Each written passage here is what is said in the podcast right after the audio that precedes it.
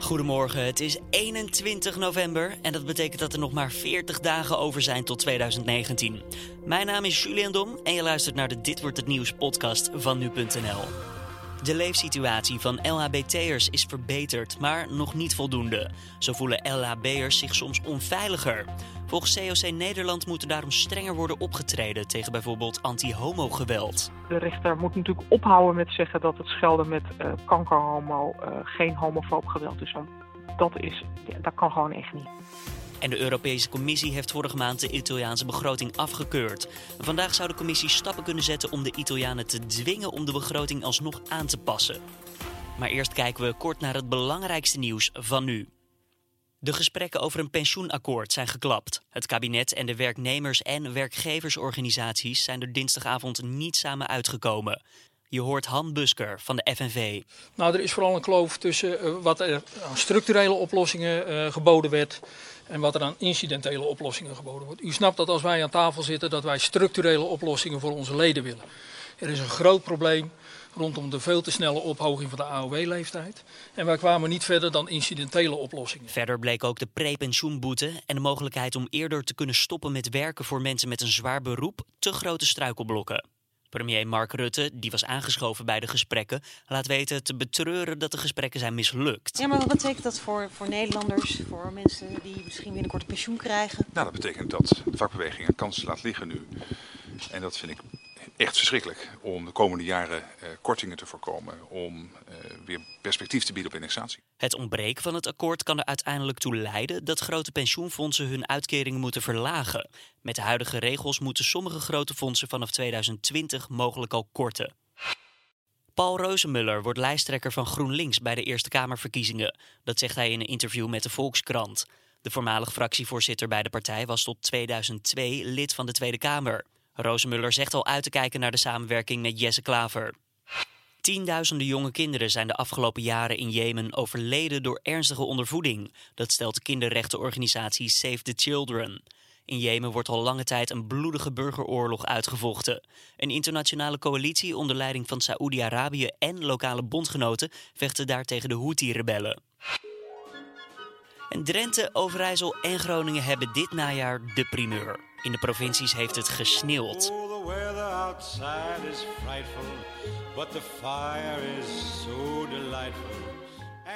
Het gaat vooral om natte sneeuw, al dus weer Plaza. Wel kan de sneeuw op auto's blijven liggen. Door de sneeuw is er ook lokaal kans op gladheid. Halverwege de ochtendspits zal dat grotendeels opgelost zijn.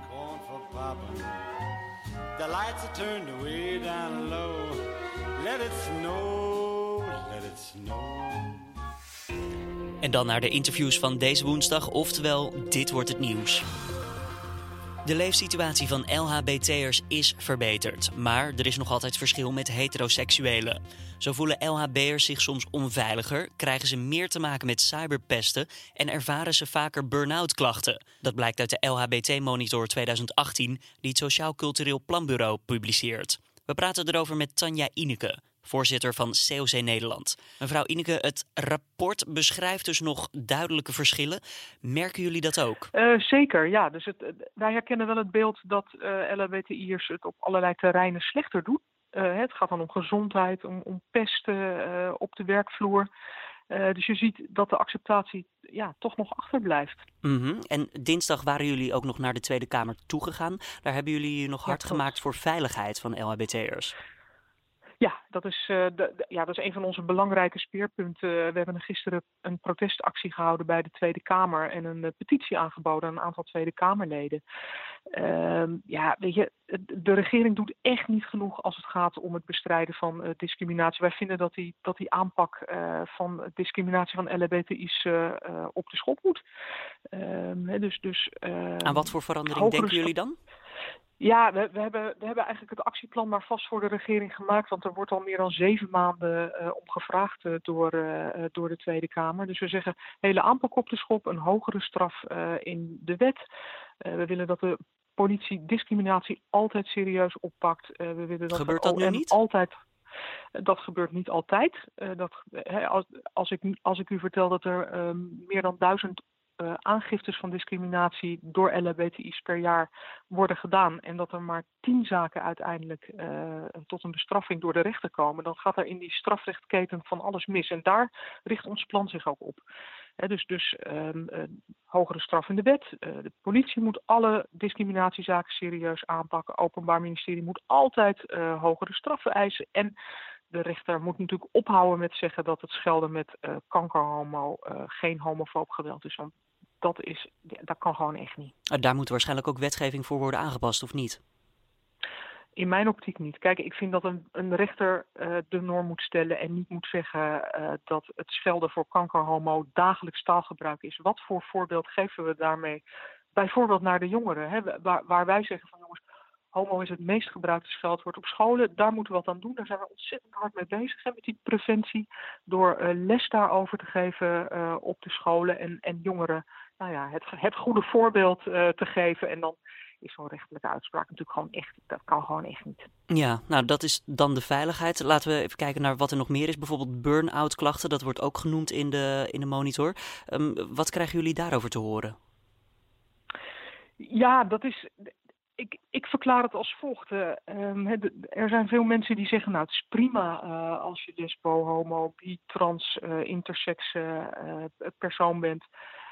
Maakt niet uit. Alleen je mag het wel zijn, maar je mag het niet doen. Hè? Want als, als je dan als man je vriend een zoen geeft op straat, dan vindt ineens een op de drie mensen dat aanstootgevend. en het feit dat je het wel mag zijn, maar het niet mag doen. Want als je het doet, krijg je allerlei negatieve reacties. Ja, dat, dat, dat, ja, dat, is, heel, dat is heel vervelend, is dat. Hè? Dan ga je je gedrag aanpassen in de openbare ruimte. Ja, en dat, dat zou wat ons betreft wel eens een verklaring voor die burn-out klachten kunnen zijn. Hoe kunnen we dat aanpassen? Is dat een situatie die we of vanaf de school of vanuit de thuissituatie moeten aanleren van dit is gewoon normaal in Nederland? Of heeft u een andere oplossing? Ja, ja, ik denk dat het heel erg belangrijk is om uh, heel veel aandacht aan uh, goede lessen op scholen uh, te besteden. Een van de dingen waar wij al lang voor pleiten is om in, op de docentenopleidingen daar ook aandacht aan te besteden. Dus dat, dat de docenten ook les krijgen over hoe ze les moeten geven op school. Want nou ja, de jeugd heeft de toekomst, dus als we daar beginnen, ja, dan, dan, dan zullen we zien dat ja, dat, het, dat de situatie langzaam gaat verbeteren. Daar zijn we wel echt van overtuigd. Het is nu 2018 en we zitten dus nog altijd niet op het niveau waar we moeten zijn. Maar gaat dat dan nog wel een keer gebeuren? Want je zou toch zeggen, 2018, we zijn best wel ja, goed bezig, maar blijkbaar niet. We hebben gewoon heel veel stappen gezet. Uh, en uh, de, de wettelijke uh, gelijkheid, daar zijn we een heel eind in gekomen. Uh, de acceptatie is ook verbeterd. Hè? Dus de mensen die zeggen uh, het is prima als er LHBT's uh, zijn, maakt ons niet uit. Dan, dan, zien we dat eigenlijk bijna niemand meer zegt dat hij het niet prima vindt. En de volgende stap is dat we, ja, het mag niet alleen maar blijven bij je mag wel homo zijn, maar niet homo doen. Dus ook gewoon hand in hand kunnen lopen, elkaar een zoen kunnen geven op straat. ja, dat is gewoon de volgende stap waar we keihard aan moeten werken met elkaar. Tanja Ineke was dat, voorzitter van COC Nederland. Wil je nou meer lezen over deze LHBT Monitor 2018? Check dan vooral ook eventjes nu.nl. En een linkje naar het desbetreffende artikel vind je ook in de beschrijving van deze podcast.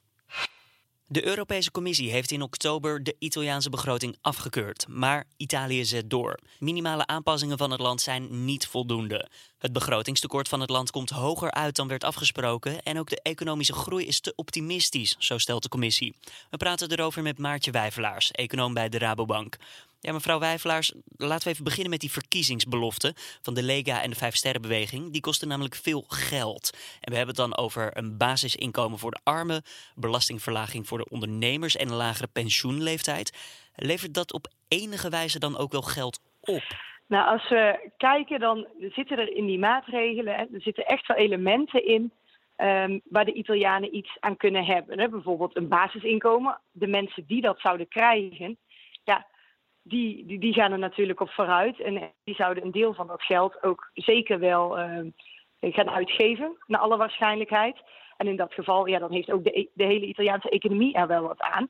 Maar als we kijken naar alle maatregelen samen en wat voor onzekerheid dat ook teweeg brengt over uh, toekomstig beleid, van ja, kan de overheid dit beleid wel, wel volhouden? Of moeten ze misschien dan in de toekomst toch weer belastingen gaan verhogen of andere uitgaven gaan korten.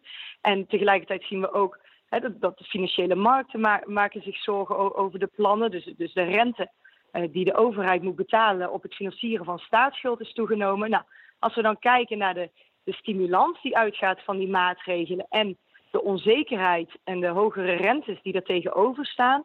En dan, dan komen wij eigenlijk tot de conclusie dat de economie in totaal er volgend jaar niet zoveel aan heeft. De economie die leeft eigenlijk op vertrouwen, toch? Maar is dit plan van de Italiaanse overheid dan niet voldoende om toch een positief slingereffect te geven hieraan? Nee, eigenlijk in tegenstelling.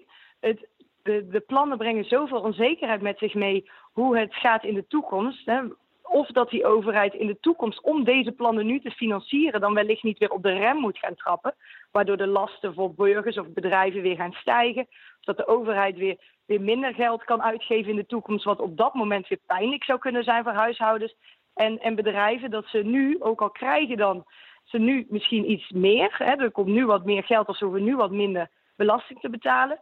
Dat ze toch met in het achterhoofd die, die gedachten spelen van ja, maar in de toekomst kan dit juist weer omslaan. Dus ja, dan kan ik nu beter even nog het geld op zak houden om te zien wat er nog gaat gebeuren.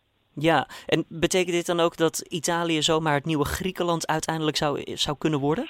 Nou, daar zijn we nog wel echt heel ver van verwijderd. Want uh, als we terugkijken naar de situatie in Griekenland destijds, dan hadden we het wel echt over tekorten, begrotingstekorten van 15 procent.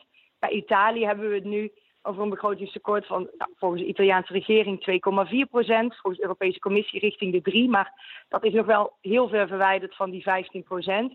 En een, een ander groot verschil is ook wel dat uh, destijds de Griekse economie echt gestimuleerd werd in de jaren daarvoor door enorme schuldopbouw. Niet alleen maar bij de overheid, maar ook uh, bij bedrijven, bij huishoudens. En dat zien we in Italië absoluut niet gebeuren. Dus ja, het is um, niet goed voor de, de, toekomst van, van de Italiaanse economie wat er nu gebeurt. En het brengt een heleboel risico's met zich mee, maar we zijn echt nog wel ver verwijderd.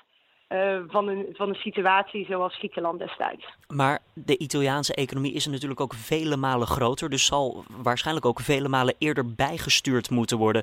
En zitten we dan nu al wel op een kritiek punt waarbij de EU moet zeggen van ja, het is nu of niet, jongens?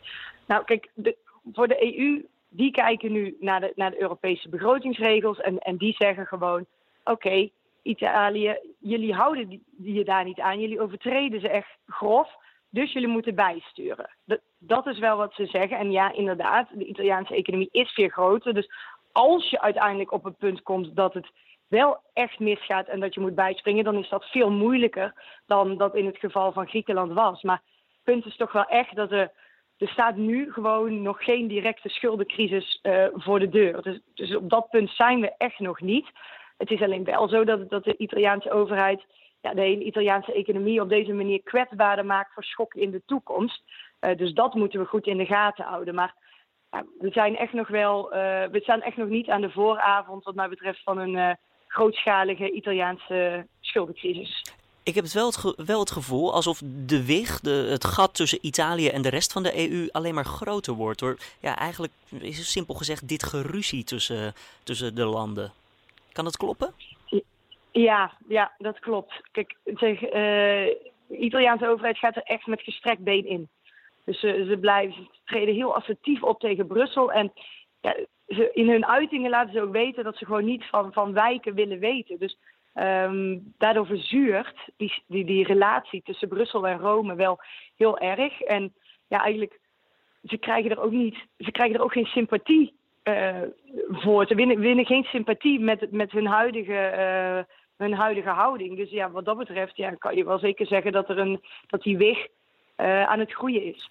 Maartje Wijvelaars hoorde je, econoom bij de Rabobank. Ruim 700.000 Nederlanders stemmen deze woensdag voor een gemeenteraad. Op 1 januari worden er 37 gemeenten in Nederland heringedeeld tot 12 gemeenten. En in deze gemeente kon daardoor afgelopen maart niet gestemd worden. De grootste gemeente die heringedeeld wordt is Groningen. Die gaat samen met Haren en Temboer. Daar mogen ze in totaal zo'n 190.000 mensen stemmen. Verder gaan mensen in de Haarlemmermeer, Hoekse Waard, het Hoogland, Westerkwartier, Noordoost-Friesland, West-Betuwe, Molenlanden, Noordwijk, Altena, Beekdalen en Vijfherenlanden naar de stembus. De stembureaus gaan open om half acht en tot negen uur vanavond kan er dan gestemd worden. Alle gemeenten verwachten dat de uitslag dan rond middernacht uiteindelijk bekend is. Dan nog eventjes het weer van deze woensdag. Lokaal dus kans op gladheid. Voorzichtig daardoor als je op de weg gaat met bijvoorbeeld je auto, fiets of rollator. Overdag blijft het vrijwel droog en de zon zal zich van tijd tot tijd even laten zien. Maar verwacht daar vooral niet al te veel van. Het wordt zo'n 4 tot 7 graden en er waait een matige tot vrij krachtige oostenwind. Een muts kan daardoor fijn zijn om bij te hebben. Voordat we de podcast afsluiten, nog even een, uh, ja, de kalender van vandaag. Het is namelijk Wereld Televisiedag. En om even een eerbetoon te brengen aan de televisie, hebben we even twee mooie bloopers erbij gepakt. Zoals deze bij het RTL Ontbijtnieuws. En voor het weer is hier Jennifer die lekker de tijd kan nemen. Ja, nou dan nemen we dat ook. Met je microfoon aan, denk ik, want ik hoor je niet. Wat is er? Heb je je microfoon vergeten? Ach jee. Jennifer is haar microfoon vergeten. Ik kom naast je staan. Ja, prima. Ja, Spreek in mijn borst. Oké, zo. Nou, dit wordt echt helemaal uh, gezellig zo. Maar ook bij de NOS gaat het niet altijd zoals je zou willen als nieuwslezer. Paus Franciscus heeft in uh, Castel Gandolfo een bezoek gebracht aan zijn voorganger, Benedictus. Uh, die zit sinds zijn terugtreden in het paus pauselijke buitenverblijf daar. Nou, ik zal maar vertellen dat het een uitzonderlijke ontmoeting was in ieder geval van de paus uh, uh, met zijn voorganger, die dus terugtrad. Um, en uh, dat moet u maar voor mij geloven, want het schijnt dat alles hier mis is gegaan. Um, het weer dan nog misschien? Krijgen we dat wel? Nee, ook niet meer. Nou, u weet vast zelf wel dat het koud is en een snijdende oostenwind. Die staat er. Um, wij gaan het hier even proberen te fixen. We zijn later vandaag met journaals die het wel doen bij u terug. Fijne dag in ieder geval. En ook hier bij de Dit Wordt Het Nieuws podcast uh, bloeperen we wat af voor. Maar omdat het Wereldtelevisiedag is, bewaren we die voor een andere keer. Dit was dan de podcast van deze woensdag 21 november. Je vindt de podcast maandag tot en met vrijdag om 6 uur ochtends op nu.nl. Wat vond je van de uitzending? Laat het ons weten via podcast.nu.nl of laat even een reactie achter in je eigen favoriete podcast app. Mijn naam is Julian Dom. Voor nu een hele mooie woensdag en tot morgen.